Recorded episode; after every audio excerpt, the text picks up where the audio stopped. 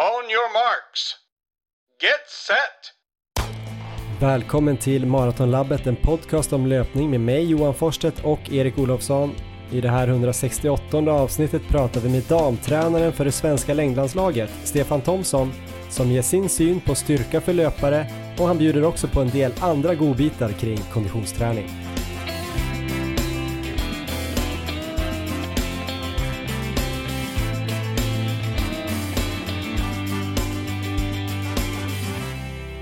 Vi har blivit anklagade för censur och jämförda med Nordkorea.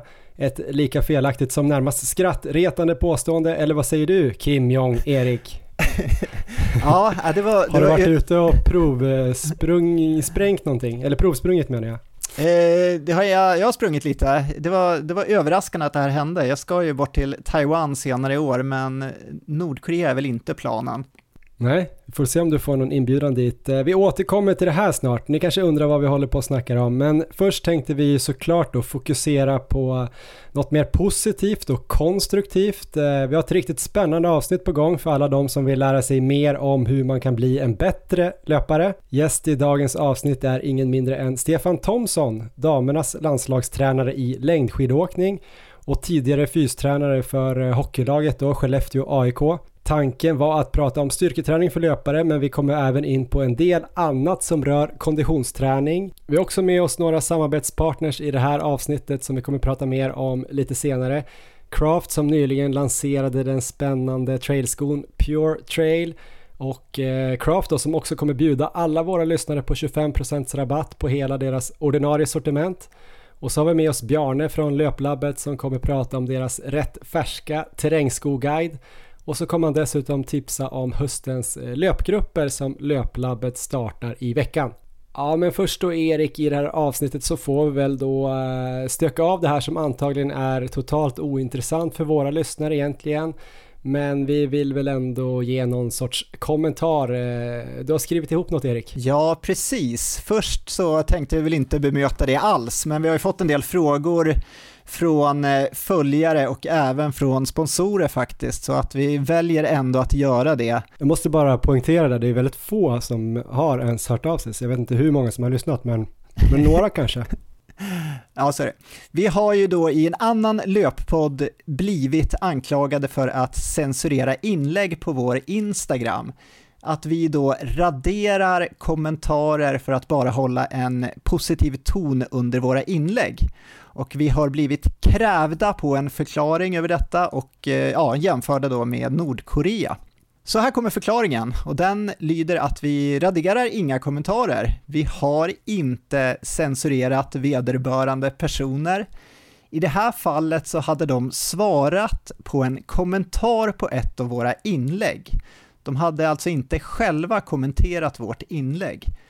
Och den personen som skrev den kommentaren raderade senare själv sin kommentar då han tyckte att det blev lite hetsk stämning och då försvann även deras svar.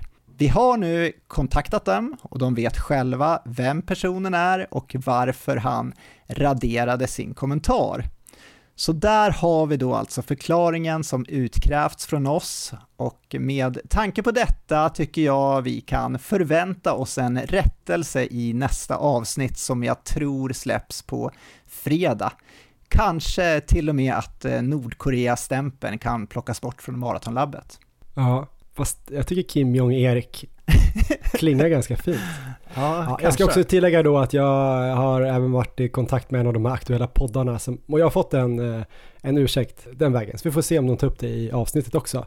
Eh, jag tycker vi går vidare till någonting mycket roligare Erik. Eh, återkoppla ja. till förra avsnittet. Då hade med Carolina Wikström och hennes coach Christian Alsen.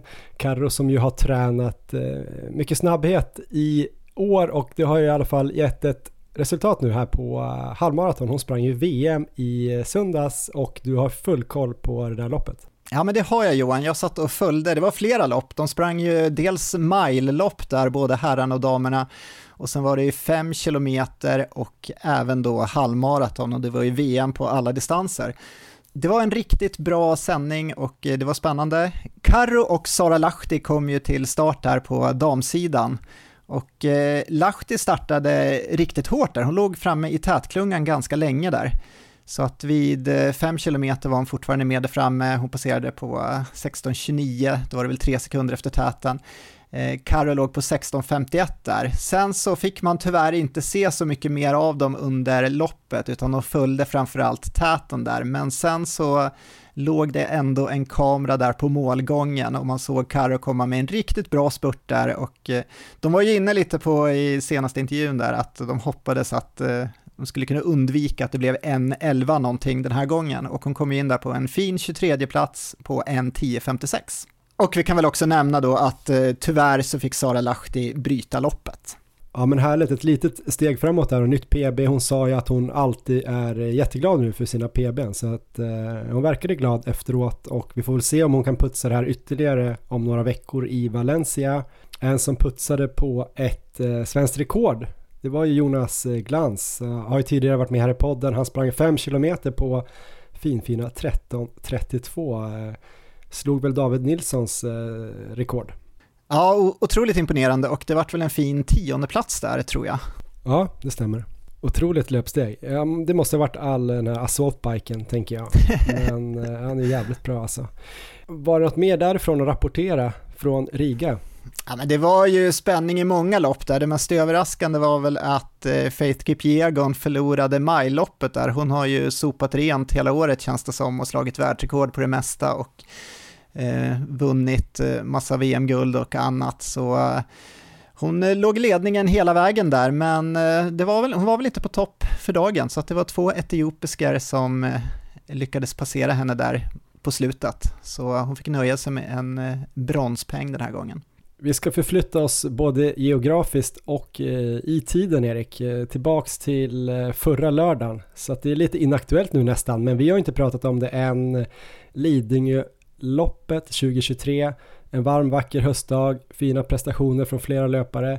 Tyvärr DNS då på undertecknad, men en otrolig kämpainsats från dig. Solklart maratonlabs rekord, 2.00.30. Hur hårt pushade du mot sub 2 där under sista milen? Ja, jag kommer komma in lite här i en kort race-report om det, men det var, det var bland det hårdare jag har pushat under alla år med podden skulle jag säga. Du fick ju skåda det på plats också, så det ska bli spännande att få din version av det hela sen. Ja, men det var kul att se utvecklingen av loppet där. Inte bara från din sida utan att se liksom eh, olika löpare på tre olika ställen i olika delar av loppet var, var väldigt kul och eh, jag kan återkomma till det som sagt. Först vill jag höra det från, från dig då, hur du upplevde loppet. Ja, jag kan väl dra lite om träningsveckan innan Lidingöloppet och planen var ju inte att formtoppa för Lidingöloppet utan jag tänkte springa fem mil alla dagar måndag till torsdag och sen köra ett kortare pass på fredagen. Sen var ju Lidingöloppet på lördagen då. Jag hade lite slitna ben under veckan så det landade på totalt 17 mil innan Lidingöloppet och högst oklar form. Så jag kände en rätt stor osäkerhet på vad jag skulle kunna satsa emot på loppet. Jag sprang på 2.08 2021, men då var jag i riktigt dålig form, så jag trodde väl absolut att jag skulle slå det. Och sen har vi sub 2 då som en magisk gräns, så det var väl drömmålet. Det känns ju som att det har varit hypat här i podden eh, i flera år nu, att ta sig under där. Och det är en ganska enkel plan att springa efter eftersom det är då i princip 4.00 fart i snitt. Men jag tänkte att jag ska köra på känsla och springa fort på mina starkare partier på platten och ta det lugnare i backarna där jag är dålig. Så vi hoppar rakt in i loppet och eh, första kilometern blir ju snabb när det är rusning, lite positionskrig, sen ska det smalna av och det blir ju, det är också lättsprunget där i början. Så den första kilometern landade på 3.37 och därefter låg jag i cirka 3.45 fart tills det började bli lite väl kuperat och där hade jag någon kilometer en bit över 4 fart. Det var väl det partiet som du pratade om i vårt Lidingöloppsavsnitt där det var lite mer backigt. Jag sprang en del med Mikaela Arvidsson där. Sen kom vi till partiet vid Kyrkviken, lättsprunget. Jag låg på bra där, jag sprang om många som sprungit om mig i backarna tidigare. 3.45 fart igen, fick langning, Pulsen fortfarande kontrollerad runt 160 165 och min anaeroba tröskel tror jag ligger runt 170. Jag såg dig Johan första gången efter cirka 10 kilometer tror jag. Hur tyckte du det såg ut då? Ja men då var du så här god och glad, älskar löpning, klämcheck, vinkade till publiken, skrattade, trippade på, lätta ben. Härligt. Så var det. Och sen halvvägs, då hade jag cirka en minut och 45 sekunder till godo på sub 2. Vilket kändes lite i minsta laget då vi var på väg in i min klart sämsta del av loppet. Och i de här Bosöbackarna så gjorde jag mitt bästa, men det var inte bra, så under alla delar av loppet plockade jag placeringar förutom mellan 15 till 20 kilometer där jag istället tappade 9 placeringar. Så vid Grönsta med en mil kvar räknar jag ut att jag hade cirka en minut och 30 sekunder till godo för sub 2. Vad tycker du om det som så löpplan? Är det, är det bra att ha det ungefär inför sista milen? Alltså, jag tror det. Jag skulle alltid behövt kanske fem minuter eftersom jag alltid kroknade. Men eh, jag tror nog att det är ganska, det är ganska bra det. Jag ja. tror ju som sagt första femman där på sista milen är ju lite halvhård. Där kanske du behöver en minut. Och sen andra femman tror jag i och för sig skulle kunna funka bra för dig, men eh, kanske om du har lite tid där också. Så ja, men ganska bra tycker jag. Ja, så jag låg hyfsat till där. Eh, upp för Grönsta så gick jag faktiskt upp stora delar av den backen, sen drack jag sportdryck. Jag fick langning precis innan. Och det kändes ändå så brant att jag inte kunde springa så mycket snabbare. Och sen hade jag svårt att dricka där om jag hade sprungit, för jag hade otroligt hög puls. Jag var uppe i tröskelpuls och nästan över. Eh, så att det blev gång stora delar i Grönstabacken och sen fick jag den kilometern på 4.30 så nu hade jag cirka en minut till godo på sub 2 med abborrbacken och Karins backe kvar. Jag låg oerhört högt i puls som sagt, det var ofta över 170, men jag kände ändå att jag kunde ligga på hårt. Så kommande kilometrar kom ändå in runt så 3.55. Och vid abborrbacken då räknade jag ut att jag hade cirka en 10 till godo på SUP 2. Jag tänkte att lyckas jag få den här kilometern med abborrbacken på 4.30 så kan det gå vägen. Sen sprang jag hela backen, inte så fort, men jag sprang ändå hela och nästa kilometer visade 4.59. Och det var lite knäckande, för nu hade jag knappt något till godo på sub 2 och jag hade Karins backe kvar.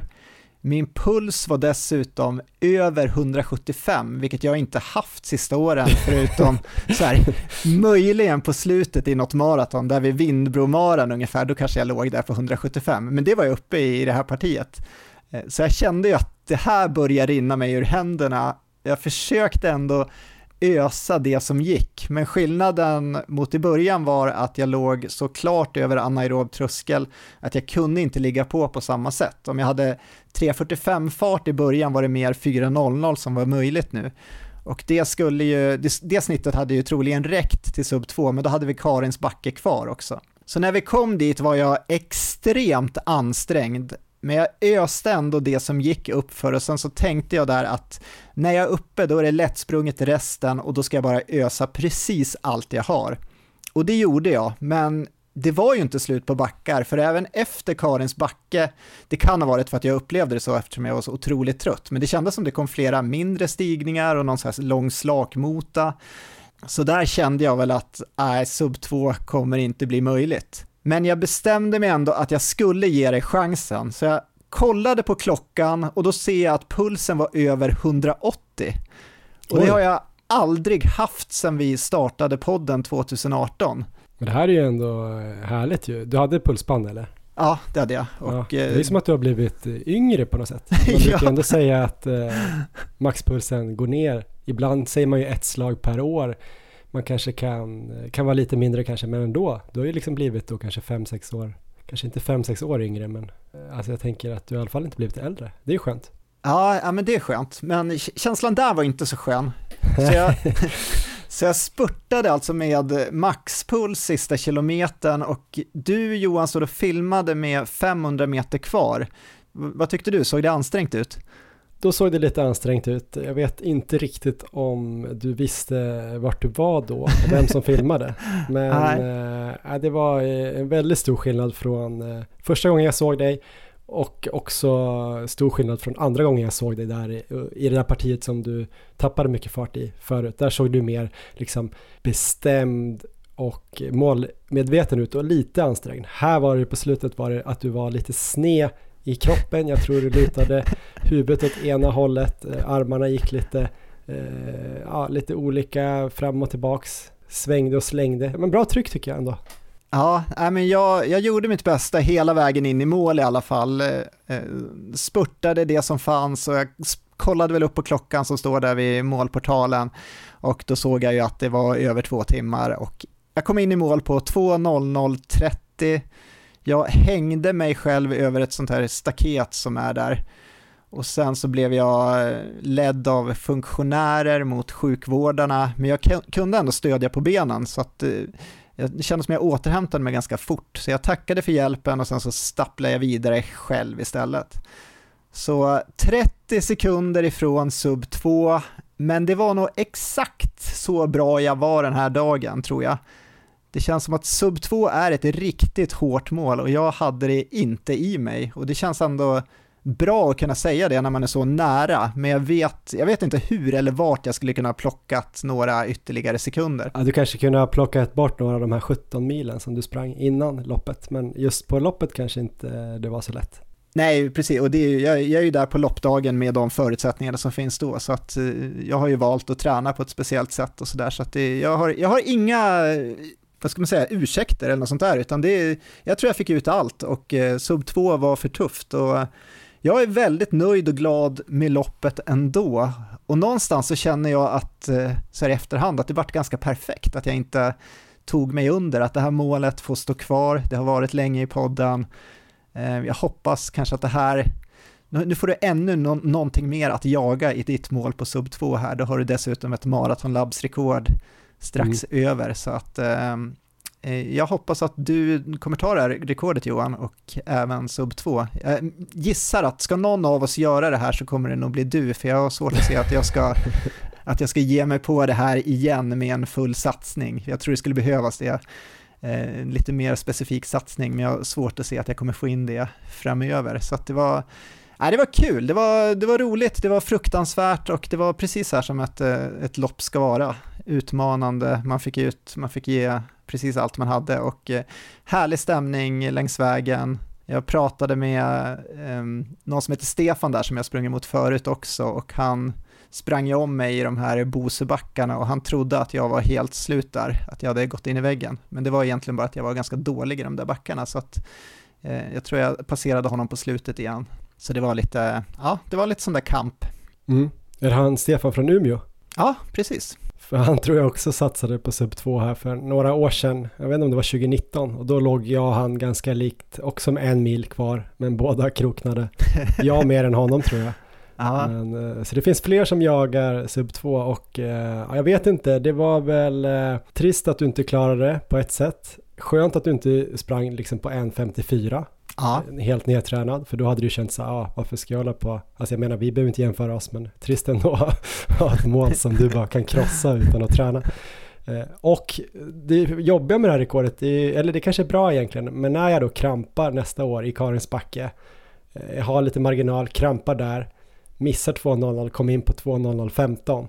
Ja. Då kan jag ändå glädjas åt maratonlabbsrekordet. Men absolut. Det är fantastiskt. Så det känns bra. Kan du berätta lite om vad du fick se mer än eh, mitt lopp så att säga? Det hände ju mycket mer där längs banan. Ja, men som sagt då, jag nämnde det kort här bara för ett tag sedan här att jag startade aldrig. Jag eh, såg ju fram emot att i alla fall eh, sikta mot ett pers här, gå under 2.05 någonstans, men insjuknade typ samma dag som podden släpptes. Eh, ställde in några pass, trodde att jag skulle komma igen, men, men det har inte riktigt släppt fortfarande. Så att eh, jag var ändå så pass frisk att jag kunde cykla ut och kolla på loppet. Och det är jag väldigt glad för. Så jag kände att jag gick miste om en härlig upplevelse, eller kanske obehaglig upplevelse då, som du bitvis upplevde det som. Men eh, det var helt fantastiskt att vara där och eh, kolla på loppet. Det har inte jag varit, eh, jag vet inte när jag var ute och kollade på Lidingöloppet sist, jag har alltid sprungit. Men jag hade cykel med mig så jag kunde ta mig ganska snabbt till olika ställen och eh, såg ju då först där vid 10 och sen i skogen någonstans vid 18 där Bosebackarna och sen strax innan målet då. Och eh, det är så himla härligt med Lidingöloppet att man kan komma ut i skogen, stå helt själv någonstans i skogen, typ en meter från spåret och stå och heja och eh, det blir väldigt så här personligt, man kan se rakt in i ögonen typ i djupet av folks själar, hur de mår och sådär. Så att eh, det blir väldigt så här, man står och ropar på någon som bara kollar på en och säger bara vem är du? Eller så säger de typ hej tillbaks eller tack. Alltså det blir väldigt, väldigt ja. tight så här. Häftig känsla, så jag stod ju liksom själv på alla de här ställena och inte med någon annan eftersom jag var lite krasslig också. Så det var kul och det var väl eh, just som jag kanske beskrev dig då att du först var lite så här glad och klämkäck. Sen var du väldigt eh, fokuserad. Du var verkligen i baksätet första gången jag såg dig. Sen hade du hoppat fram i passagerarsätet, eh, likt Musse. Ja. Och eh, du såg ju väldigt, eh, ja du var ändå bestämd men inte var kontaktbar, bestämd men inte supertrött. Och sen var det ju liksom att du sluggade där på slutet. Jag vet inte om du satt i framsätet och körde eller om du var liksom uppe på taket eller på styra. Jag vet inte vad du gjorde riktigt. Men, men du, du körde det väldigt hårt. Och så här var det ju för väldigt, väldigt många personer som jag såg. Som såg riktigt, riktigt eh, fina ut i början och sen hade helt kroknat. Vissa kom ju inte ens, eh, några hoppade ju av. Hanna Lindholm var ju tvungen att bryta, hon hade ju varit lite sjuk innan och sådär. Mikaela som du pratade om bröt ju också. Så det var ju liksom, alla kom ju inte fram till det sista stället.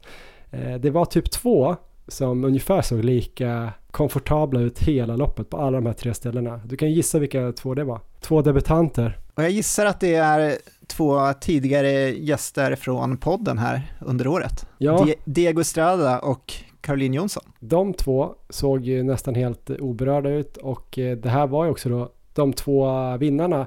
Diego Estrada kanske inte helt oväntat, även om han blev väldigt hårt utmanad länge av eh, Emil Svensk som dock kroknade där sista milen. Men Diego sa väl efteråt att han eh, hade rätt bra koll på det där. Det var ju första gången han sprang. Carolina Jonsson då som, eh, ja, överraskande för mig ändå att hon går och vinner. Vi hade väl tänkt oss kanske innan att Hanna Lindholm då skulle utmana den här Sylvia Medugo som har vunnit massa gånger. Eh, Hanna då som sagt märkt av sjukdom, klev av. Carolina såg nästan lite så förvånad ut eh, men hon hade ju gått ganska hårt eh, i början medvetet. Visste inte hur hon skulle reagera. Hon hade aldrig alltså sprungit då tre mil. Alltså någonsin, någonstans. Alltså, och då ska hon springa då på Lidingöloppet. Tre mil som är lite hårdare än tre mil platt. kroknade aldrig i princip och vann ganska klart. Så jäkligt imponerande måste jag säga. Ja, väldigt imponerande debut och jag pratade lite med henne innan start där. Hon var väldigt glad och taggad inför, så riktigt roligt att det gick så bra. Och Sylvia Medugo kom ju då tvåa och eh, Lovisa Modig trea. Herrklassen där eh, sprang ju Linus Rosdahl riktigt fint. Han var en sån där som eh, klättrade genom hela loppet tyckte jag. Såg ganska avslappnad ut och bra ut när han kom eh, förbi mig sista biten där. Tog andra platsen. Sen var det en spanjor som kom trea kommer faktiskt inte ihåg namnet just nu. Men eh, som sagt, otroligt kul att stå och titta på det här loppet. Eh, kan jag rekommendera alla nästa år och, och åka ut och kolla. Kanske heja på mig. Kanske jag kan se sådär hemsk ut eh, som du gjorde på slutet. Eller hemsk. Men du var inte, det var inte L'Oreal-mannen. Det var ju någonting annat. Något som jag vill bli nästa år, 2024. För då kommer det, sub 2, då smäller det. Ja, då ska jag stå och kolla in i din själ där sista kilometern från sidan. Det ska bli, det ska bli roligt. Vi har ett samarbete med Craft, ett svenskt företag ju som inte legat på latsidan under året. Eh, de har släppt massvis av nya skomodeller. Eh, vi har tidigare pratat om bland annat eh, Endurance Trail, CTM Ultra Trail, Nordlight Ultra och nu har turen kommit till nya Craft Pure Trail. De skriver själva att det är en supersko för traillöpning. Eh, jag som faktiskt har sprungit i skon kan säga att det är en eh, smidig och hyfsat lätt men ändå väldämpad sko med bra grepp på olika underlag.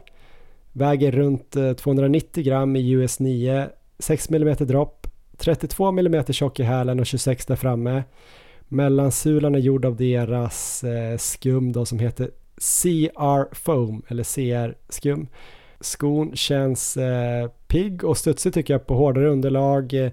Yttersulan har rätt grovt mönster med 5 mm långa dubbar som hjälper till när det är blött och lerigt. Eh, har du hunnit prova den här någonting Erik?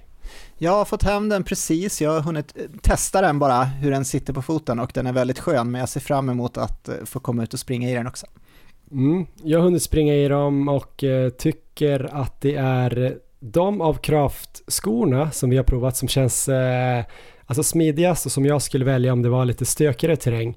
Och det är väl antagligen det som är tanken eftersom de heter Pure Trail.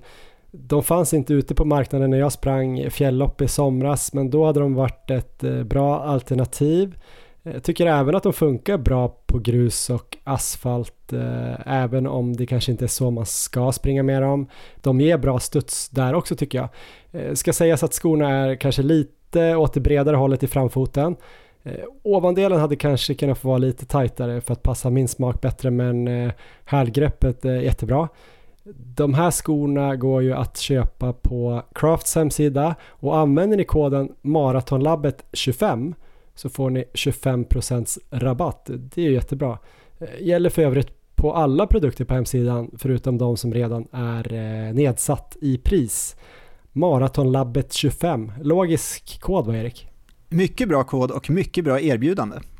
Den gäller i tio dagar då från och med att det här avsnittet släpps den 3 oktober då fram till den 13 oktober så skynda att fynda.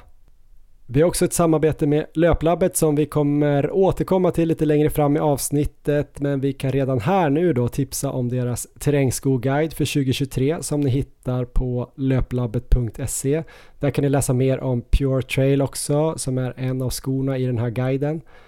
Eh, på löplabbet.se hittar ni även information om eh, deras nya löpsatsning Fortsätt springa som handlar att eh, de tycker att folk ska springa även under hösten och vintern. Det är ju vettigt. Eh, så under fem veckor nu framöver kommer de erbjuda löpträning eh, som kommer utgå från sju av deras åtta butiker. Ett bra initiativ tycker jag Erik. Eh, springer du någonting på vintern eller är det att du kör så 25 mila veckor nu när det är fint väder och sen så vilar du vintern eller? Ja men förra vintern så cyklade jag faktiskt istället ganska mycket, inte vintern, det var mer hösten innan snön kom. Men eh, i år så planerar jag att springa väldigt mycket och jag tycker att det är väldigt härligt att springa under hösten och vintern också. Det ger mycket under den mörka perioden tycker jag att komma ut så att eh, väldigt bra initiativ det här Fortsätt springa från Löplabbet. Så det tycker jag man ska haka på. Eller sticka ut och springa själv helt enkelt under den här perioden. Ja, och man kan ju tipsa då eh, sina kompisar eller respektive eller vad det nu kan vara familjemedlemmar som inte riktigt har fattat grejen med att springa på hösten och vintern. Att de kan gå på det här. Eh, ni som lyssnar här kanske inte behöver det. Vad vet jag? Nu Erik, ska vi snart släppa in eh, Stefan Thomsson i det här poddavsnittet. Det är verkligen på tiden tycker jag. Han är ju landslagstränare i längdskidor på damsidan, en av dina idoler va? Ja, jag är ju ett stort fan av eh, längdåkningen och jag brukar följa loppen här under vintern så att eh, Stefan har jag hört mycket gott om. Tänk bara att han kanske har daglig kontakt med eh, Jonna Sundling. Ja, det är coolt. Han eh, är för detta hyllad fystränare också för Skellefteå AIK i hockey. Eh, sägs ju att han låg eh, bakom en del av, av den framgångssagan när de blev så himla bra, vann SM-guld här för, för ett antal år sedan. Han var ju faktiskt då själv lovande löpare och skulle satsa på löpningen, gick på löpgymnasium, var tvungen att sluta, men nu har han ju också varit i kontakt med löpningen för att han har börjat träna då den förre hockeyspelaren Johan Fors Berg. Inte Forstedt, inte Forsman, utan Forsberg. Men det känns som att han vet vad han snackar om både kring löpning och konditionsträning och styrketräning då som vi började prata om i den här intervjun. Men vi hann ju komma in på en del andra ämnen också. Här kommer Stefan Thomsson i en intervju som spelades in i början av juli. On your marks. Get set. Ja men då får vi välkomna Stefan Thomsson till Maratonlabbet. Hur är läget Stefan? Det är bara bra med mig. Har fått lite grann semester nu under juli. Så jag är faktiskt nere i min hembygd Jämtland och sitter här ute på och kollar ut över Gesundssjön. Så jag har det riktigt bra just nu. Mm. Så du är hälften eh, östjämte? Kan man säga det eller? Ja, det kan eller man. hel östjämte kanske? Ja, det går väl aldrig ur. Man är väl alltid en jämtlänning. Så. Men eh, nu har jag varit snart, jag har varit över 20 år i Piteå, så jag får väl säga att jag är norrbottning också. Ja, men du är i alla fall känd för mig då som eh, fystränare för Skellefteå AIK Hockey. Riktiga AIK som man säger där uppe. Och eh, sen är du ju nu då huvudtränare för damlandslaget i skidåkning. Så det kanske är ännu fler som känner dig som det. Vad känner du dig själv mest som? Nej, men utan eh, just nu är det ju, då är jag ju en skidtränare för damerna. Utan det är väl där jag har bägge mina ben just nu. Sen så har jag mitt företag kvar eh, och jobbar med Skellefteå AIK, så jag har två jättebra kollegor, Elias och Tommy där, som, eh, som sköter den delen. Så jag har väl ett litet finger med där i utvecklingsfrågor och, och planering och så. Men till 99,9 procent är jag i skidorna då. Tänkte vi skulle snacka lite eh, löpträning idag ju. Eh, styrketräning för löpare kanske specifikt men det kan ju bli så att vi kommer in på lite annan typ av träning också, hur du tänker kring det.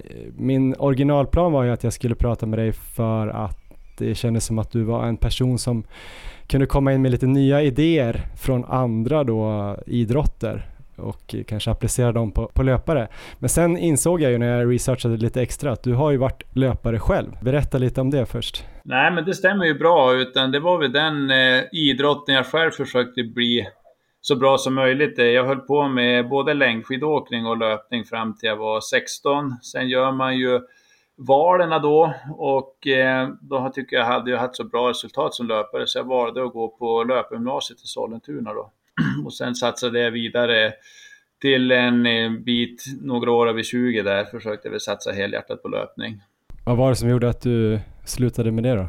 Mycket skador. Jag hade, fick otroligt mycket skador där egentligen ifrån eh, gymnasietiden och eh, framåt. Och sen sitter man och funderar mycket på varför det blir så. Det tror jag var en del att växte otroligt mycket när jag kommer in i dagen. Jag var sen, så jag växte väl 17 centimeter första året på, på löpgymnasiet. Och bara det säger sig självt att då, då blir man inte hållbar i kroppen. Vill ändå, man hade ju svårt att se det själv i den åldern, så man försökte ändå träna. Lösningen var ju ändå att träna hårt. Men det var väl där egentligen det började, att eh, utvecklingen stagnerade lite grann.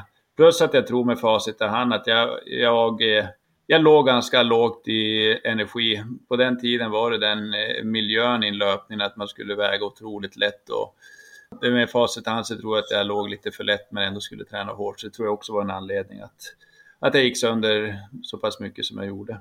Just det. Nu vet jag inte exakt när det här var men det man också har känt här på senare år är ju att den här eh, kanske dubbeltröskeltrenden har kommit in. Att det är många av de här duktiga, i alla fall medeldistansarna som som vittnar om att eh, de tränar med volym, eh, de hårdare passen lite lugnare och kanske då håller sig lite mer skadefria än när de tidigare kanske typ skulle köra riktigt stenhårda pass eh, varje vecka. Så känns det som att det var lite då, kanske på den här tiden när du gick löpgymnasium, kan det också ha varit någonting som spelade in där?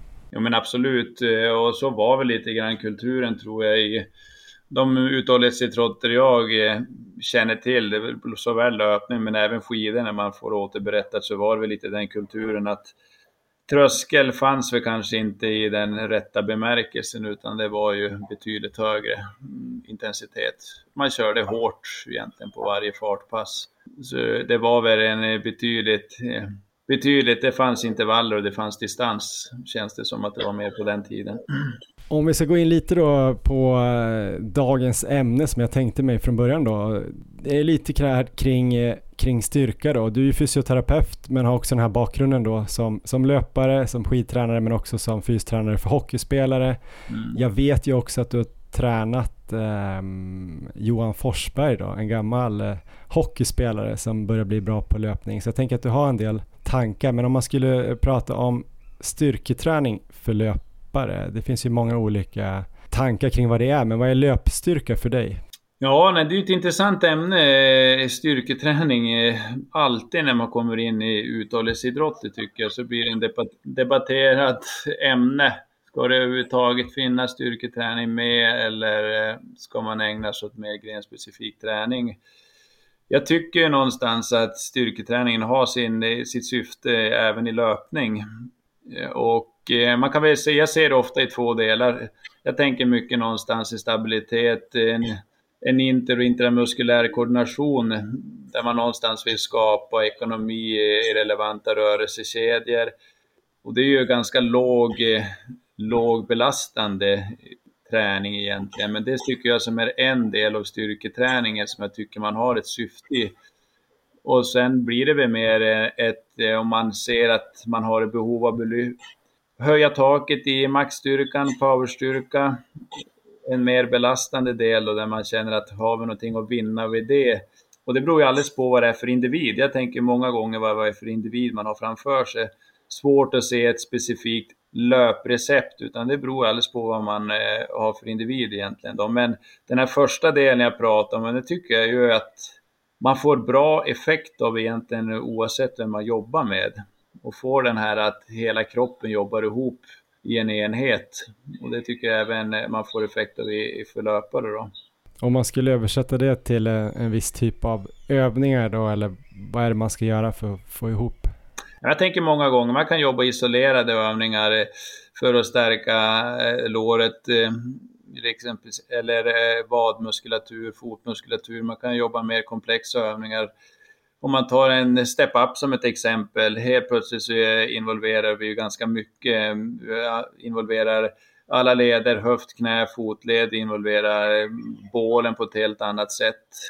Och det är väl där någonstans, eh, den typen av eh, övningar som jag använder mig av när vi jobbar med stabilitet. Då. För som du var inne på där då, individen kanske sätter receptet på något sätt. Eh, man får se hur man funkar.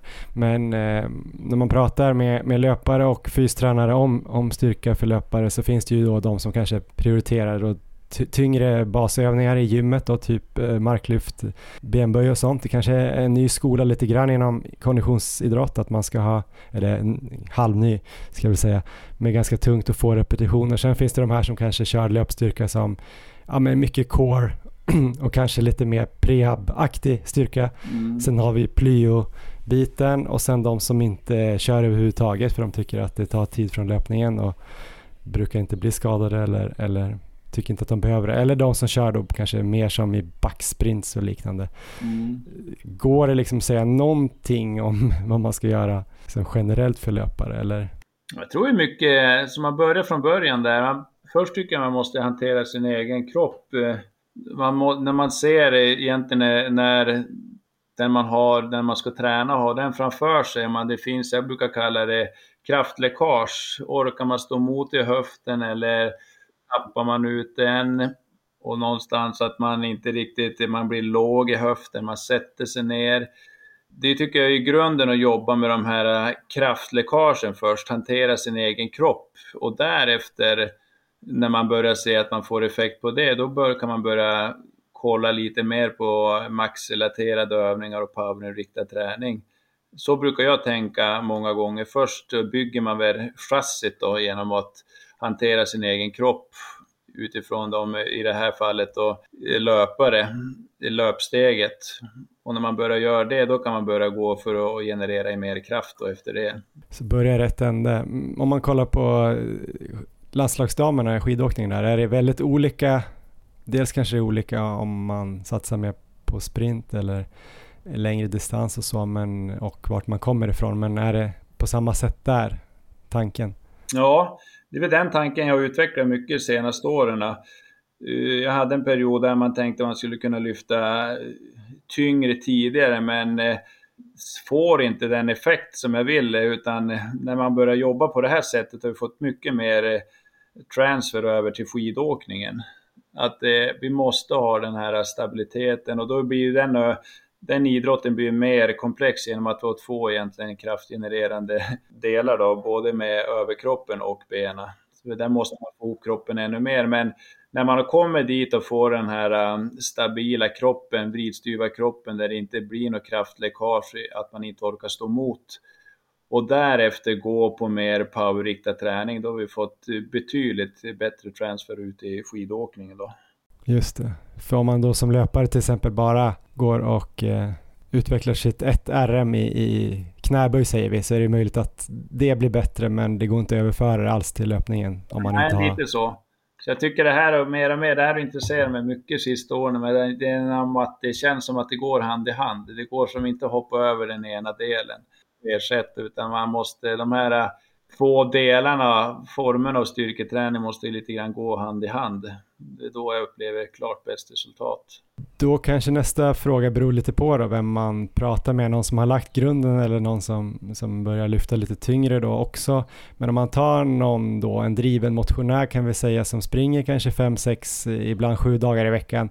Hur ska man tänka kring antal styrkepass eh, och eh, när tycker du att man ska lägga in dem om man har då löpning eller kanske skidåkning som sitt, sitt, sitt fokus då? Ska man lägga samma dag som lugna pass eller göra tuffa dagar hårdare med, med att lägga dem där eller hur tänker du där? Så man måste se över lite grann vad man har eh, egentligen hela träningsveckan. Man börjar där då. Vad är det jag ska göra? Vad är det för form och fartpass? Ska jag ha ett tuffare fartpass som kräver att jag har en ganska pigg muskulatur? Då bör man ju lägga styrkepassen och eh, om de ska vara lite tyngre en bit därifrån. Men eh, är det mer att vi jobbar en tröskel och vi ligger i en sån period där vi jobbar eh, A2, A3 som man säger på skidspråk. Då tror jag ju att man kan jobba hård styrketräning lite tajtare in mot fartpassen också. Men jag själv personligen är ganska noga med att se över hela träningspusslet beroende på vad vi ska ha för uttag i resten av veckan i annan träning. Sen har vi den här stabiliserande träningen, eh, om man pratar med skidtjejerna där, så jobbar, det är ju någonting man jobbar med i princip dagligen. Då kanske man jobbar 15-20 minuter varje dag på sina specifika svagheter. Och sen så kanske man har ett längre pass av stabilisering också som man kan jobba upp mot 40-50 minuter ihållande. Men det är ju en träning som inte sliter lika mycket utan eh, den träningen kan man ju vad ska man säga, fuska lite mer på att ligga närmare fartpass nu utan att jag ser någon fara i det. Till exempel har man fart tisdag, lördag så skulle man ju kunna lägga ett tyngre styrkepass på, på torsdag. Då har man ju luft emellan och rena dagar emellan. Jag gillar ju att ha rena dagar då så det inte bara, så det inte blir någonting mer kvalitativt varje dag. Så ingen tyngre styrka några timmar efter ett bra fartpass i, i skidor eller löpning? Jag eh, personligen är inte en som förespråkar det. Jag brukar undvika det nästan alltid. Hur tänker du då kring eh, periodisering över, över säsong med styrketräning? Spelar det någon roll eller är det liksom samma där att man måste kolla på individen och börja sätta grunden först eller jobbar man med tyngre styrka till exempel nu under sommaren för skidåkare? Börjar man göra det på vintern för, för löpare då? Mm, ja, det gör man. Utan nu är det ju ett läge, och det är väl samma med, med löpning, man har en period där man kanske har mer volym och inte har så mycket högintensiva inslag och då kan det lämpa sig bra och, och nyttja till att eh, lägga tyngre styrka om man har behov av det. Då tycker jag det, för då gör det inte lika mycket om man är lite sliten heller på en del av fartpassen.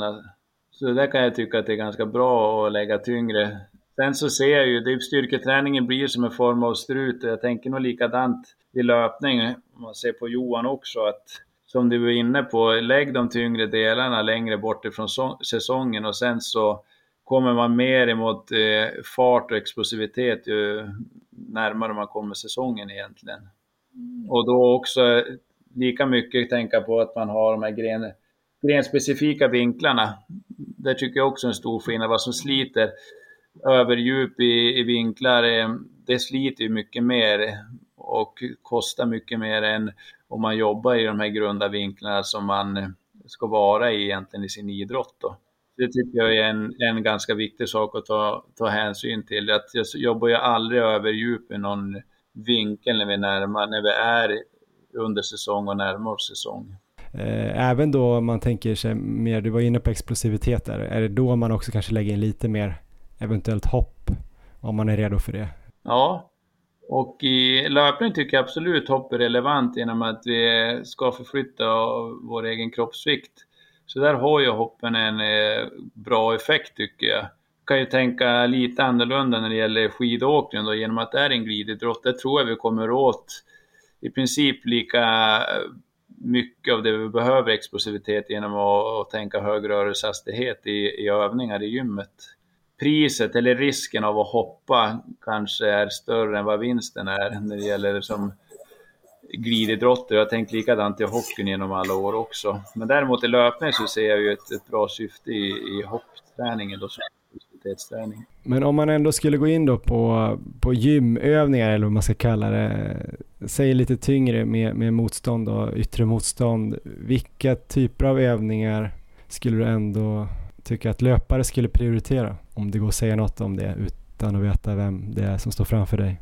Jag tycker Step Up är en bra övning som jag var inne på. Den är unilateral. Jag skulle nog jobba mest med unilaterala övningar när det gäller löpare än att jobba med, med två ben då. Enbensövningar? Ja. Jag tycker, jag tycker var senast förra veckan när jag kollade någon som har gjort ett ganska bra steg i tvåbensövningar, men man får inte riktigt eh, överföringen till ett ben. Så just när det gäller löpning och jag tänker ganska mycket så i skidor också, att då jobbar vi unilateralt. Kan, man kan göra ganska tung belastning ändå, även om man jobbar på ettbensövningar. Så step up tycker jag är bra, utfall är ju generellt är bra övningar. Det finns ju många varianter av bägge de här två övningarna egentligen. Det går ju att variera dem beroende på vad man har för syfte. Det går ju att jobba i stabiliserande syfte med bägge de här övningarna och sen går det faktiskt att göra dem till eh, ganska hög eh, belast, belastande övningar. Om man tänker sådana, eh, vad ska man säga, höftfällningsövningar eller marklyft eller höftresningar eller ja. hip thrust och sånt. Finns det något sånt man kan göra då också, fast med ett ben? Ja, generellt bakre kedjan där tycker jag är viktigt att jobba med och framförallt för löpare. Och då är vi inne på det att eh, du har ju Romanian deadlift på ett ben. Kan jag tycka är bra, det använder mig mycket av kan man jobba den med stång, man kan jobba den med hantlar, man kan använda kettlebells. Den tycker jag också, samma där, det går att göra tungt belastande övning av den, men det går också att använda den i stabiliserande syfte. Göra den lite svårare, mer instabil, men ändå kunna använda den. Så den har ganska brett eh, användningsregister tycker jag, även de eh, som Romanian deadlift. Ibland så kanske man hör att eh, man ändå ska köra på två ben ibland för att liksom kunna ha balansen då, mm. att jobba upp styrkan, är det... Nej men absolut, om man inte tränar styrketräning är egentligen ganska ny, då är det ju alltid enklare att börja med tvåbensövningar. Så det är ju inte dumt, du får ju mer power out om du kan eh, jobba med två benen på ett ben. Så du får ju en snabbare mm, styrkeutveckling. Men jag tror att man ska kunna kombinera ganska snabbt, man kan skilja på de här passen. Man kan ha ett, ett pass man har mer eh, bilaterala övningar och sen om man ett man jobbar mer eh, unilaterala övningar. Och om man tänker core eller mage, rygg är också en sån här populär grej att träna.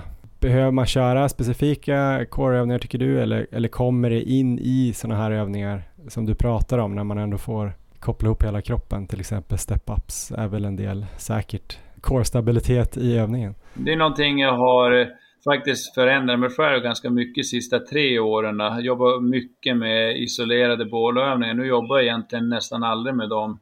Och då är ju lika väl när det gäller skidåkning, för där har det varit mycket prat om att ha stark bål för, i stakningen.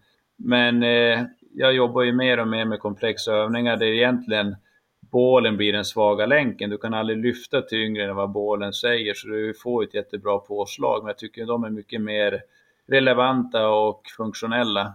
Och sen försöker vi vrida upp mer och mer i att man kan jobba med bålen i stående position eftersom det är där vi ska utföra vår idrott. Så mindre och mindre i liggande position utan hitta bålövningar i, i stående position. Det är någonting jag har utvecklat mycket de sista åren. Vad skulle kunna vara någon bra övning där då för, för löpare? Nej, det går ju att göra egentligen många vridövningar egentligen när du står upp. De är ju enklaste rotationsövningar i stående position. Så det går ju att jobba mycket med och sen finns det ju även, det finns ju dragövningar där också med, man alltid svår att förklara när man inte får visa på, på bild. Men sen är du kan använda en del av skidrelaterade övningar. Man har ju som man säger slamboll, man står och kastar medicinboll ner i, i backen. Någonting som är ganska bra påslag och även är bra i hela kedjan om man tänker höft, knä, fotled. Du kan stå på ett ben, du kan göra det med två ben i början, sen när du blir van så försök hitta den stabilitet och, och kasta den här bollen hårt mot golvet med ett ben. tycker jag är en ganska relaterad övning även till löpning. Om man skulle titta lite då på, um, alltså på hoppövningar då, just för, för löpare.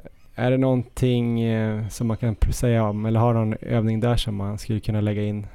Lite samma där i mitt tänk. Jag tycker absolut mångrepetitivt mycket hopp i början eh, när man är, om man inte hoppar mycket förut, då tror jag inte man ska ge sig på de här belastande hoppen i början, utan då tycker jag ju man kan stå och jobba med hopprep för att bygga upp den här elasticiteten och den här eh, tåligheten egentligen för hopp. För hopp är ju jävligt krävande. Och eh, någonstans enkel övning som har funnits med länge, man har med Menea-hopp, vet vad det är? Nej. Ja, men egentligen om man står eh, med en eh, förspänning och hoppar bara upp och ner utan knäeftergift. Man får egentligen bara jobba på framfoten. Man får egentligen upp tån och så står man och jobbar där. Det tycker jag är en ganska bra löphopp egentligen. Så man står egentligen rakt upp och ner och sen ska du hela tiden jobba på framfoten med med jämfota hopp om man säger så. Upp och ner. Det blir ju låga hopp och sen får du inte ta ut någonting i knäna utan knäna vill du ha så rakt som möjligt så det är bara vaden som får jobba. Så det är en sån här enkel eh, egentligen motion, motionärsövning som man även kan ha med som man blir mer driven löpare. Men eh, är det mest, tycker du, eh, alltså vristspänsten eller vad man ska kalla det, underbenshopp då, som det låter, just på de här två varianterna som är, är viktigast just för löpare? Tänker ibland att man börjar göra så här skridskohopp eller djupa borsovhopp eller liknande. Det är kanske inte är så ofta man... Ja, målstegen tycker jag är bra. Jobba målsteg jobba tre steg, fem steg på ett ben. tycker jag är bra övningar för då får vi precis som du säger den här belastningen även uppemot höften och bålen egentligen och orka vara stabil och få, få kraften eh, dit den ska egentligen genom benen. Och där ser man ju ganska tydligt om man är lite svag, jag pratade tidigare om kraftläckage. Om man inte orkar stå emot i bål eller i höft så är det ofta det som eh, där pyser ut kraft istället för den rakt ner i underlaget. Så mångsteg och sen när man börjar bli ganska stark och hantera det, då tycker jag absolut man kan jobba tre och fem steg och ibland kanske till och med tio steg då på ett ben. Om man känner att man, eh, det här blir också svårt att kanske svara på exakt, men jag tänker om man känner ändå att man har hyfsat bra koll på, på det här vi har pratat om, lite olika övningar, man känner att man har hyfsat bra stabilitet och är redo för alla de här typerna av övningar vi har snackat om. Kan man liksom lägga in det här i olika pass liksom kontinuerligt under säsongen om man tycker det känns för avancerat att hålla på att periodisera eller är det bäst att liksom försöka hitta olika block då när man jobbar med olika typer av styrka? Jag tror ju risken blir ju ofta att belastningen, den totala belastningen blir för hög. Om man, jag tror absolut att man måste ha rena dagar det tror jag är viktigt att man eh, Även som. Och rena dagar, förlåt, är det liksom vila eller bara distans? Ja, bara distans, att man har lugna, eh, lugna distanspass. Det tror jag är viktigt för eh, det är ju ganska vanligt att man är ivrig och entusiastisk i sin träning och så lägger man till lite kryddor varje dag. Det blir alltid belastning. Man måste som välja sina dagar här och här kanske tre dagar i veckan där har jag belastning. Sen om det är via fart eller via styrka. Och sen måste jag få några, som jag säger, rena dagar då, lugna återhämtande dagar. Där man ändå kan byta till att få distans. Man är strikt med, med sin fart då. Så risken är att om man vill få in lite då tyngre styrketräning och lite hopp och då blir det kanske svårt att hitta någon ren dag till slut om man ska lägga in löpning också. Ja, min erfarenhet är att det går ju bra en stund, sen börjar det gneka lite grann när man har gjort ett antal veckor.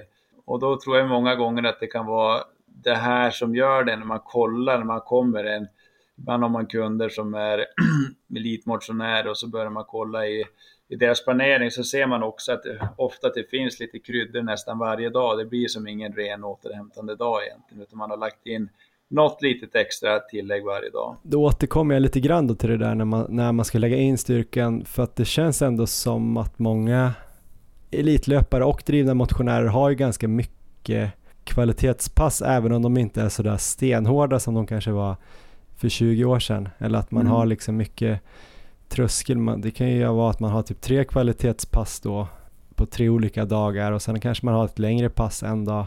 Då är det rätt svårt, då ska man lägga in styrka då är det nästan inga rena dagar kvar höll jag på att säga. Finns det någon typ av fartpass, eller när du säger fartpass, är det liksom det hårdaste varianten av fartpass då?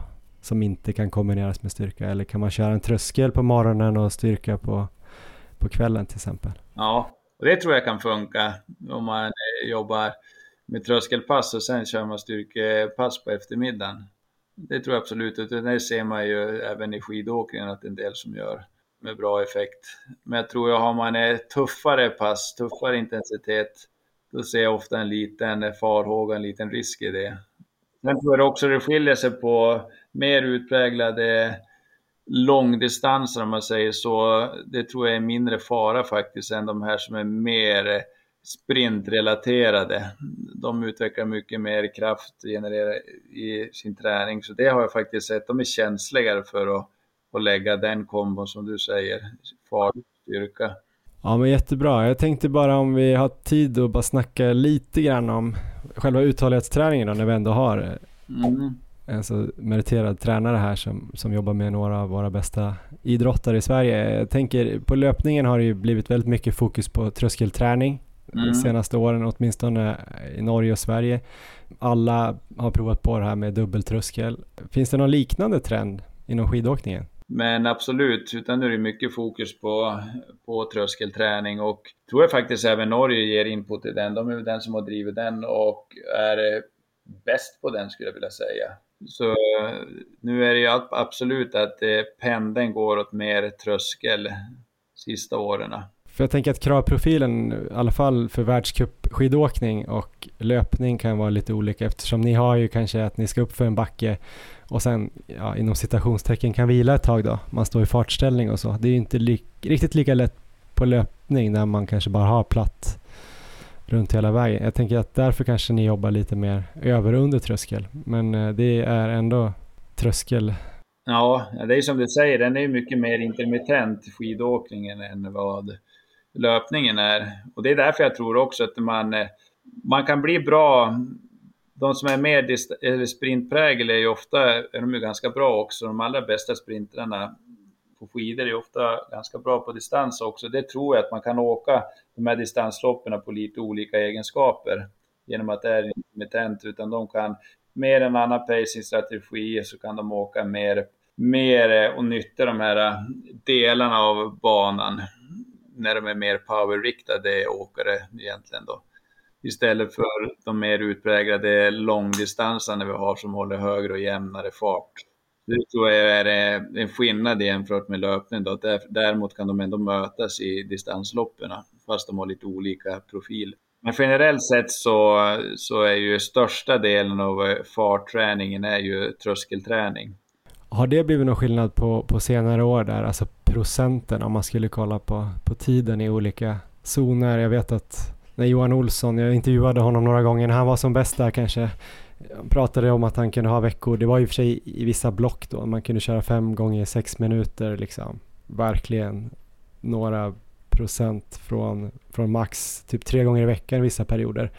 Det känns som att eh, en löpare skulle gå sönder nästan bara att läsa hans schema då med ja. tanke på alla stötar och så. Men är det, har det en, även ändrats lite inom skidåkning eller kör ni också sådana block med mycket, mycket, ja zon 5 då heter det väl i, i, i löpning, men är det, är det A3? Är det? A3, A3 plus då kallas det i skidor.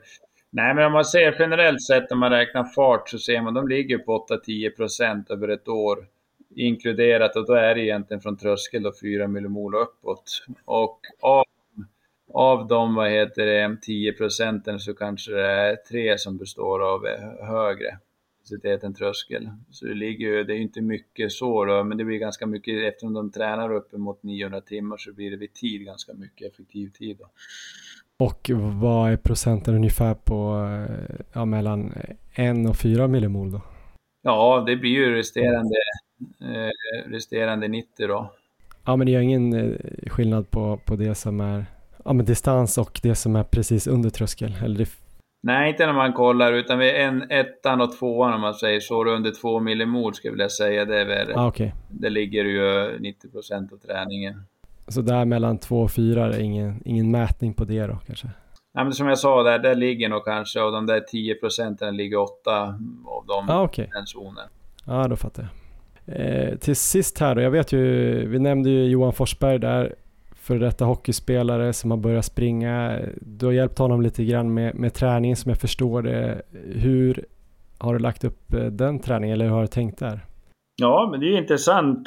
Det är jätteintressant kille faktiskt som, är, som vill börja med löpningen när han är så pass ändå relativt gammal om man säger så. Han är 36 år nu och eh, vill göra den här satsningen och varit enormt stark var han ju som hockeyspelare.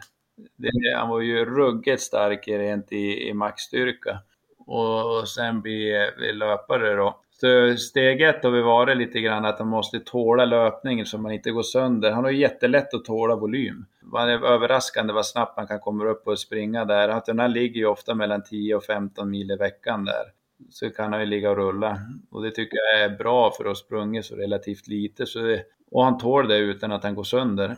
Så det vi jobbar egentligen, vi jobbar i fyra veckor, så vi lägger alltid en period och fyra veckor och den, där har du en pulsering i den. Att han har en, en lägre vecka där han jobbar 7-8 mil och där har vi lite högre fart. Annars jobbar vi med mycket långa trösklar faktiskt på de andra. Och när vi har våran mängd volymvecka så har han bara ett tröskelpass. Andra jobbar vi två då. Och han har faktiskt varit en och han har jobbat i dubbeltröskel, så en av veckorna har han dubbeltröskel. En vecka jobbar han volym, då jobbar han bara ett eh, tröskelpass. Lite högre intensitet i, egentligen på lågveckan och sen har han två tröskelpass på den medelveckan om man säger så. Just det, och sen rullar ni runt på det, ja, lite beroende på när han ska tävla då eventuellt. Men jag hörde att han inte tävlar så himla ofta. Nej, utan vi rullar runt på den och sen har vi lagt in eh, lite högre intensitet eh, och lite snabba tusingar så när det närmar sig tävling. Men annars har vi faktiskt rullat, han har ju svarat ruggigt bra på, det, på den där träningen. Utan det enda vi har följt med är att vi följer med med farterna i takt med hans förbättring så ändrar vi egentligen kilometertiderna på de här längre passerna. Och progressionen har vi bestått, eh, bestått att han kanske går från 4 gånger 5 km till 4 gånger 6 km på sina tröskelpass. Ja, det är ju ganska rejäla pass måste jag säga. Det är det som är lite intressant. Han har ju haft en och ju två gånger i perioden så har han ju, det är ju tre, tre och en halv mil i, i tröskelfart i sin förväntade tävlingsfart då.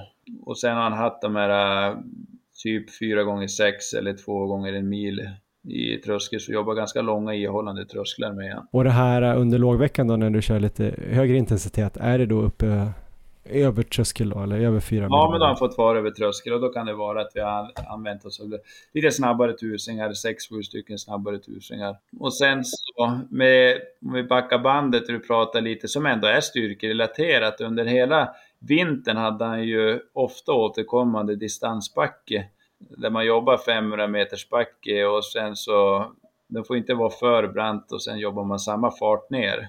Till exempel om du skulle vara i fyra minuters fart från två minuter upp och så två, men vilan består av att han går ut för, men det ska gå lika fort. Och den tycker jag är ganska bra för att upprätthålla ett bra steg och orka hålla sig uppe i löpningen. Den har funkat bra i hans teknikträning om man säger så. Och de här övriga tre veckorna, då är det ingenting eh, högintensivt alls då, eller övertröskel?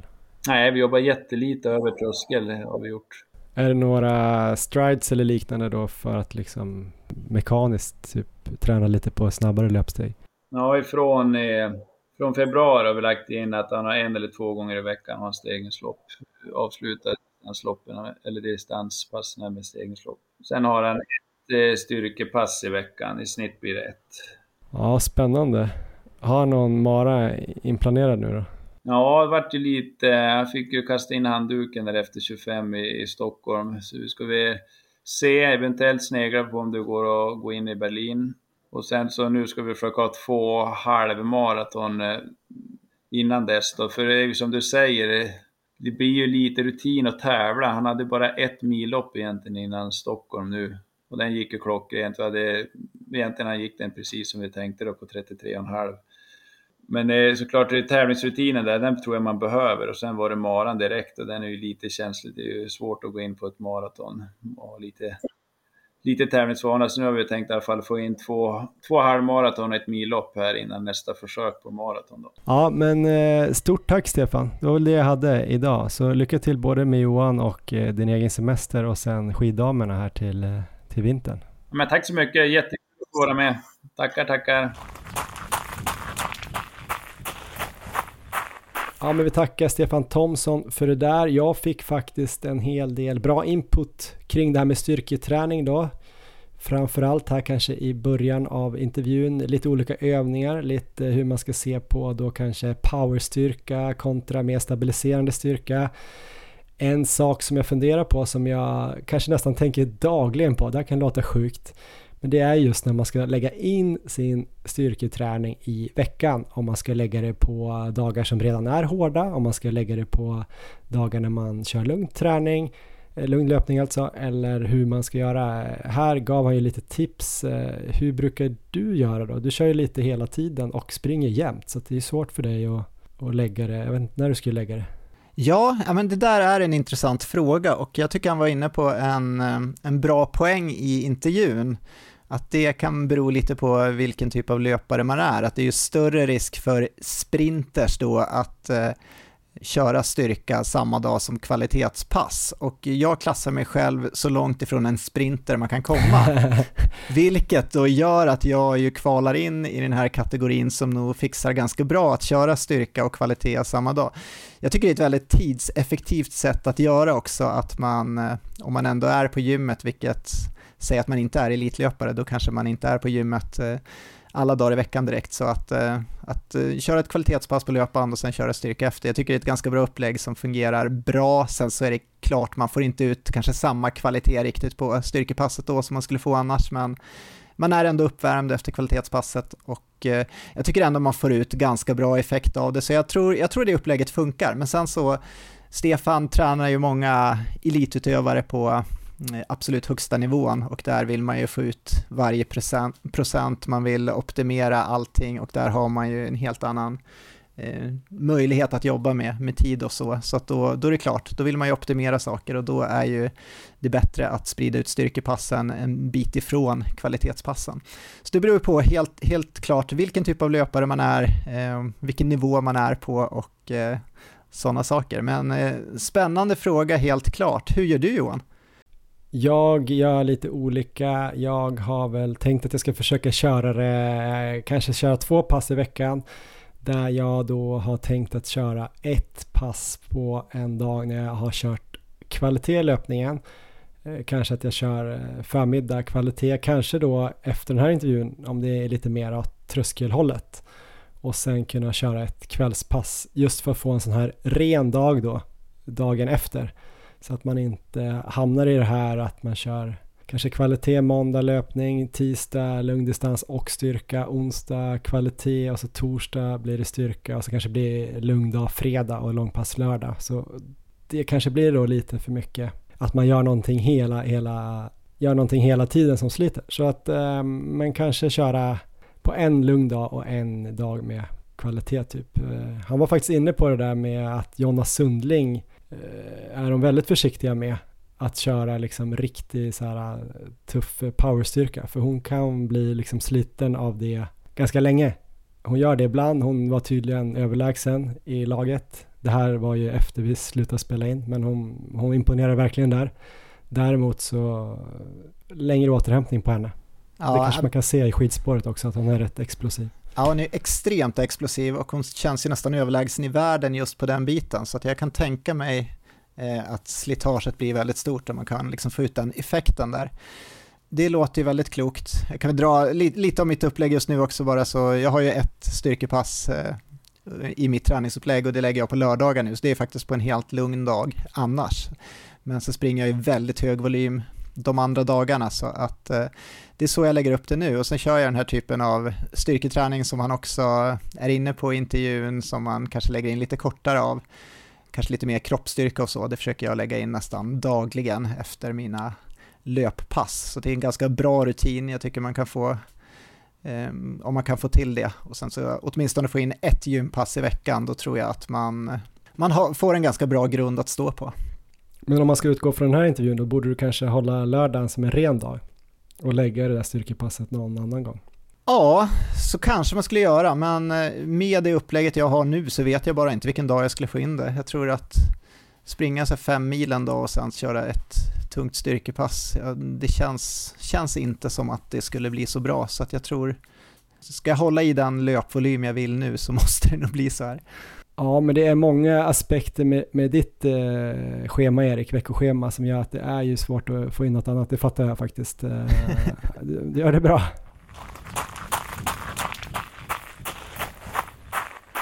Vi ska släppa in Bjarne från Löplabbet också nu här som ska prata lite om trailskor eller terrängskor. Jag funderar faktiskt på att springa ett traillopp eh, nästa helg Erik, om jag hinner komma tillbaka i full träning innan dess. Eh, så det kan vara bra att lyssna på det här för mig. Varsågoda Bjarne från Löplabbet. On your marks. Get set. Ja, men då har vi med oss eh, Bjarne från Löplabbet. Välkommen igen Bjarne! Tack, tack. Vad roligt att få vara med igen tycker jag.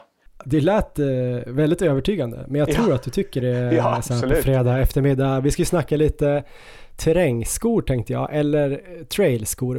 Vad ska man egentligen säga? Vissa säger ju stigskor också. Det, ja. det är begreppsförvirring. Ja, alltså eh, jag, jag vet inte.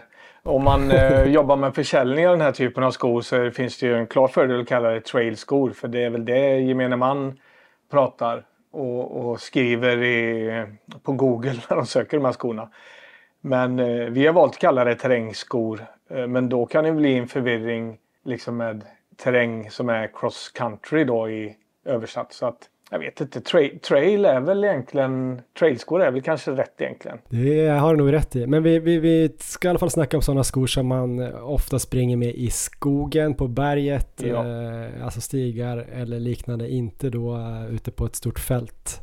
Eh, så trailskor säger jag kanske från och med nu, men jag har gjort den här terrängskoguiden eh, mm. som är ganska nysläppt eh, för 2023. Ni har testat åtta olika skor där. Eh, hur har ni valt de här skorna? Det är åtta olika märken också såg jag. Ja, vi försöker hitta en bredd liksom så att det är ja, traillöpning eller terränglöpning då kan ju vara väldigt mycket olika för olika typer av löpare. Så där försöker vi hitta en bredd. Och så tittar vi också vad eh, nytt som har kommit som vi tycker är spännande och bra. Ja, och få med lite olika märken också så vi inte liksom har fyra skor från ett varumärke liksom, fast de är kanske stora på segmentet då, utan vi försöker sprida det lite grann. Om man ska börja lite där, vilka olika typer av terräng eller trailskor tycker du att det finns? Jag menar det finns ju väldigt många olika terränger mm. att springa i så att säga om man springer liksom kanske i europeiska lite hårdare berg eller lite mjukare myriga fjäll i Sverige eller i skogen eller till och mm. från skogen också sådär. Det kan ju bli en djungel där när man börjar ja. läsa på. Ja, men det är det väl. Alltså det, det är väl, jag tror eh, terränglöpningen är olika beroende på vem du frågar. Liksom. Eh, en del tycker att de springer terräng när de springer i ett liksom, elljusspår i skogen. Och en del tycker att det är vandringsleder. Och vissa tycker att det är liksom obanat i princip. Då. Så att det är ju väldigt olika och de, de, olika kategorierna som finns det är väl egentligen man säger så här hybrid eller door to trail då. Också rena trailskor.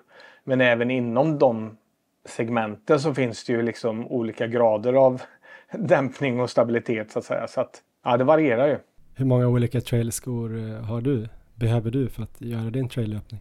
Oj, ja, jag, jag har väl egentligen tre olika. Och eh, det kanske man inte behöver då men jag har en när det är lite stökigare vandringsleder som är liksom lite, lite tunnare och sådär. Och sen har jag en sko som jag tar när, jag, när det är lite blandat. För ofta på långpass så där kan det vara segment som är lite vandringsled och så är det lite grusväg och lite asfalt. Då.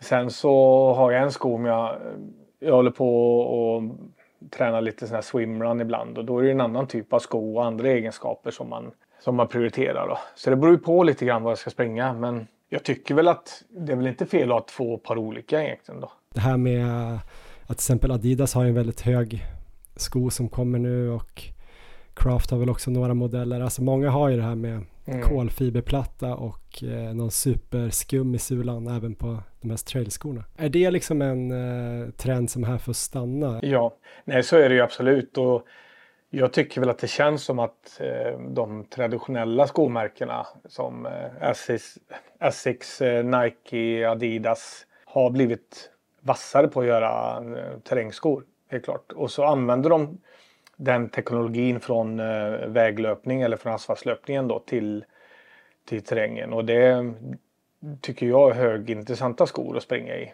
Som Ultrafly som vi har med i testet som är eh, Nikes trailsko.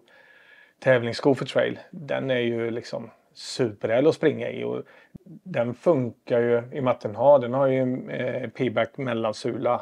Så den funkar ju att springa asfalt med och grusvägg och allting liksom. Samtidigt som, är, samtidigt som den är väldigt smidig i, i terrängspåren liksom. Så att ja, det finns mycket nytta där ute och trenden är väl det att eh, väldigt responsiva mellansulor och kolfiberplattor och smidigare ovandel kan man säga. Mm. Traditionellt sett så har de ju kanske känts ganska tunga liksom, och klumpiga och väldigt skyddande då. Trailskorna. Men så, så är det ju inte nu för tiden. Är det något mer eh, skopar som sticker ut i er terrängskoguide?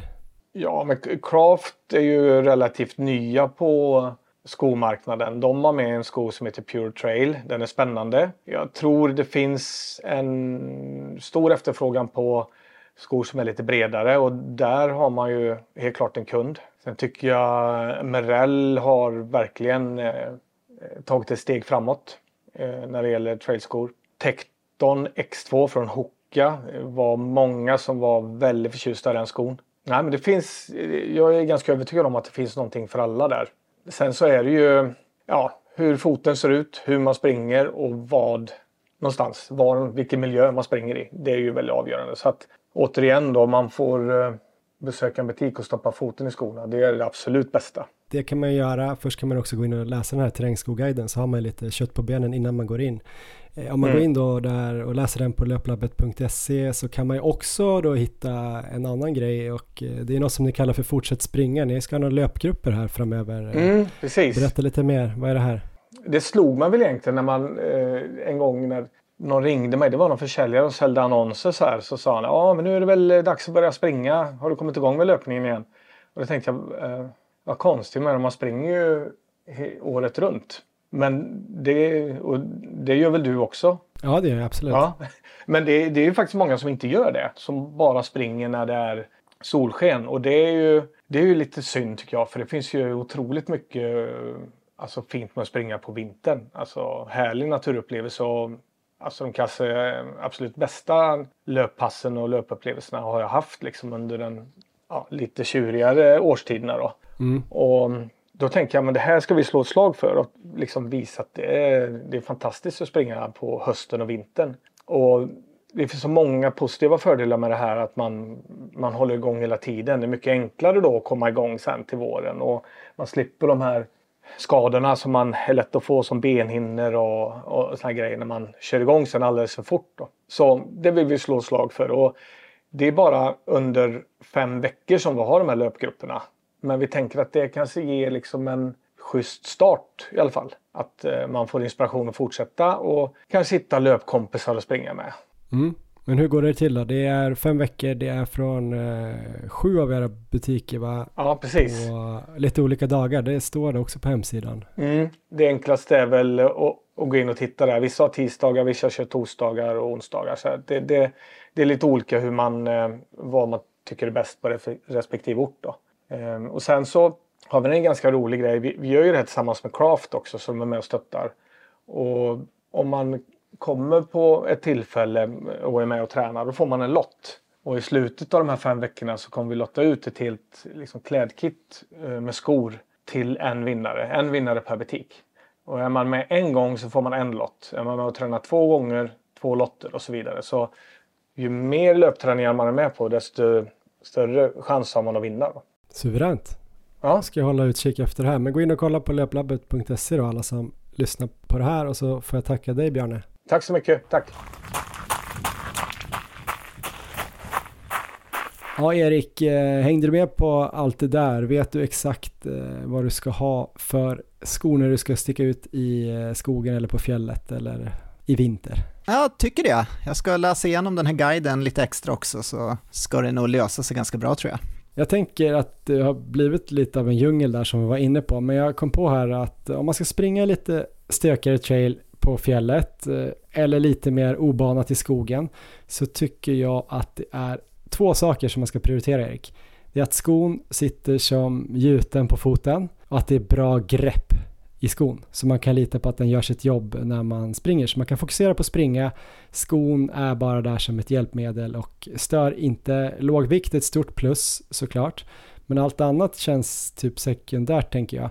Eh, så jag tror att man måste prova trailskor helt enkelt. Och det är lite svårt eftersom man sällan får prova skorna ute i skogen eller på fjället Eh, och sen lämna tillbaks dem helt leriga. Så jag tycker det är lite lurigt där, så jag fattar om det är vissa som hittar en modell som funkar och sen kör samma liksom år efter år, år om det är samma passform och så. Men det upplever jag, att man hittar någon sko som man liksom litar på fullt ut. Jag tycker när man springer i asfalt så kan det vara så att den inte sitter liksom som gjuten längst där framme eller där bak men alltså man kanske tycker att studsen är så pass bra eller någonting annat eh, är bra. Men just eh, trailskor så känns det som att de ska liksom inte märkas av typ.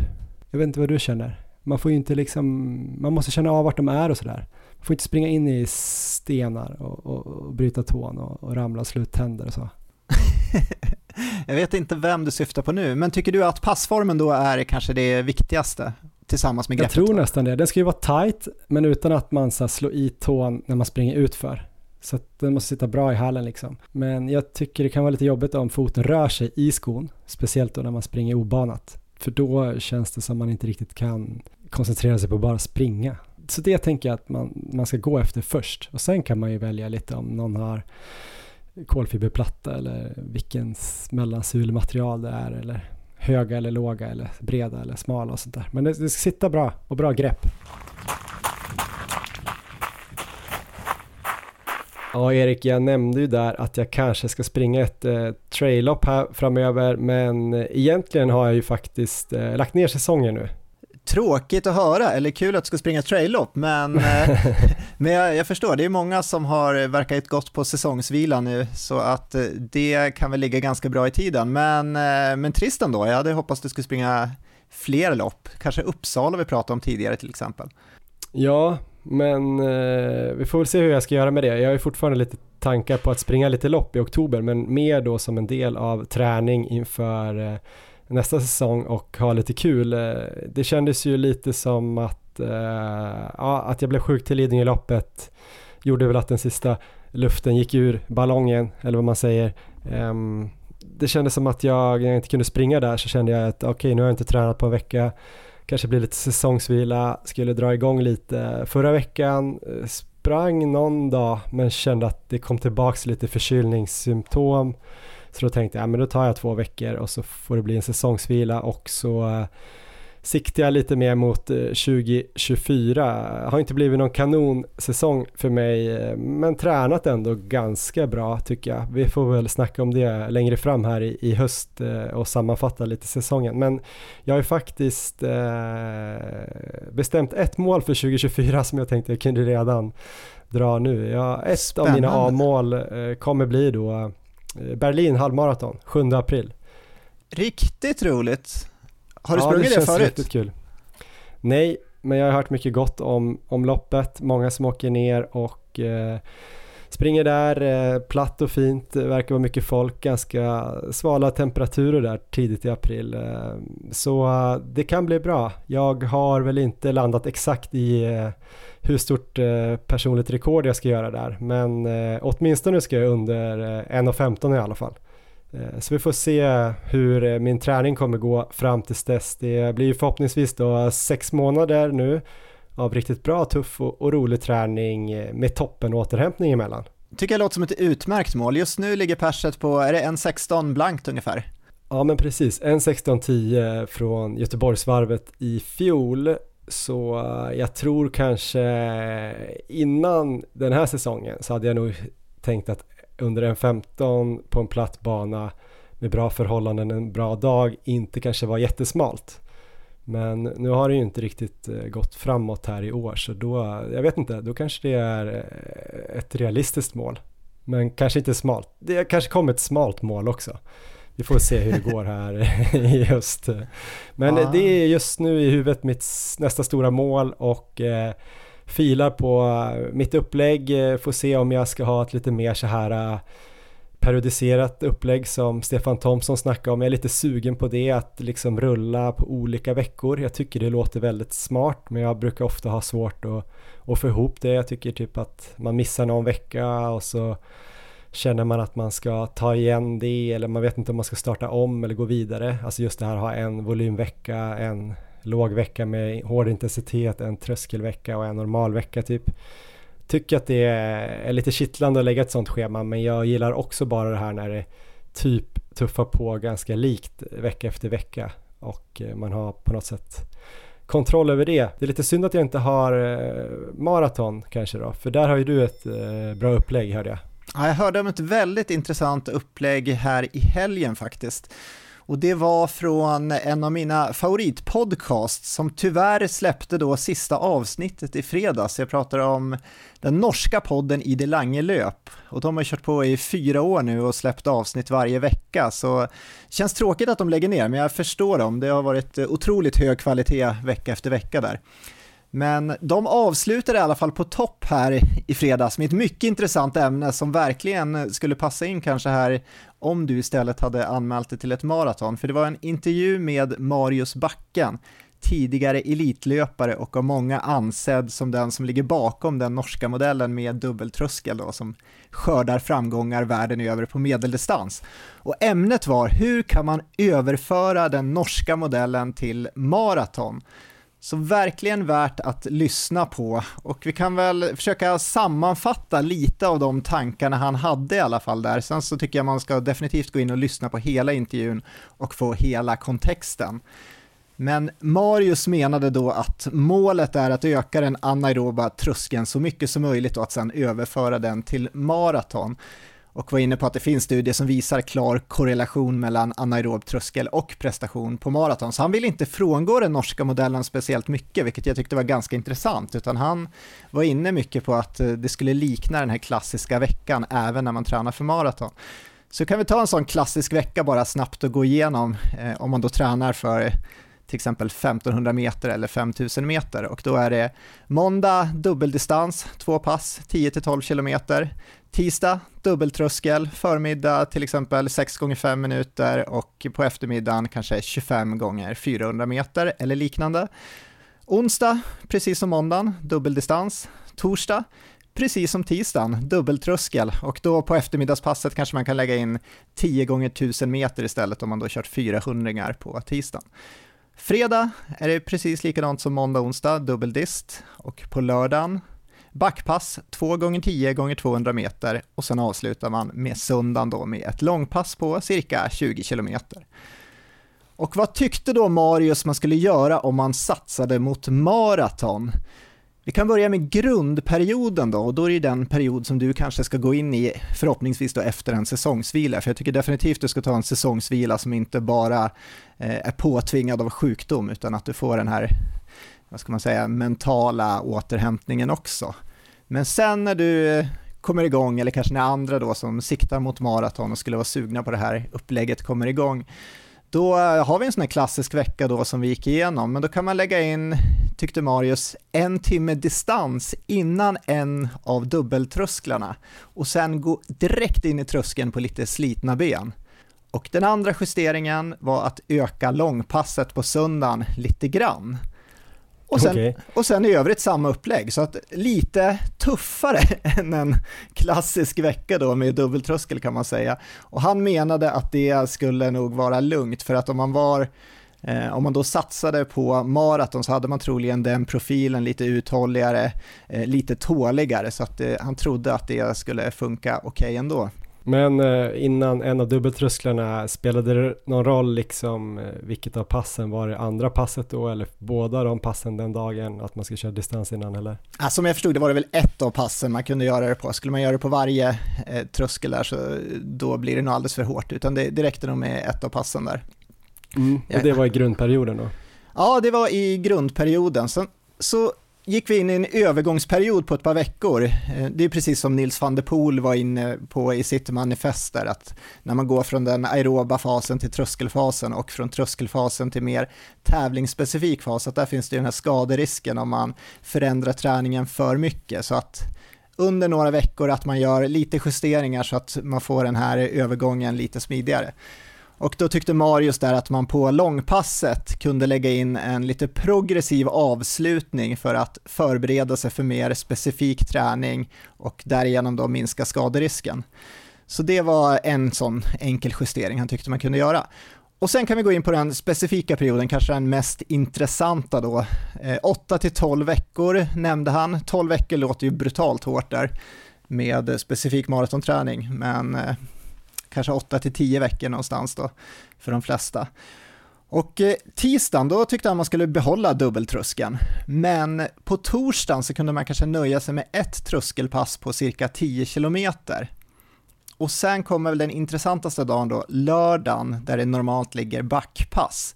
Här tyckte man eller här tyckte Marius att man skulle ha ett specifikt maratonpass som man bygger på under den här perioden. Så man börjar kanske runt 40 minuter totalt i början på den specifika perioden och sen bygger man upp mot två timmar. Och som jag tolkar... Maratonfart alltså?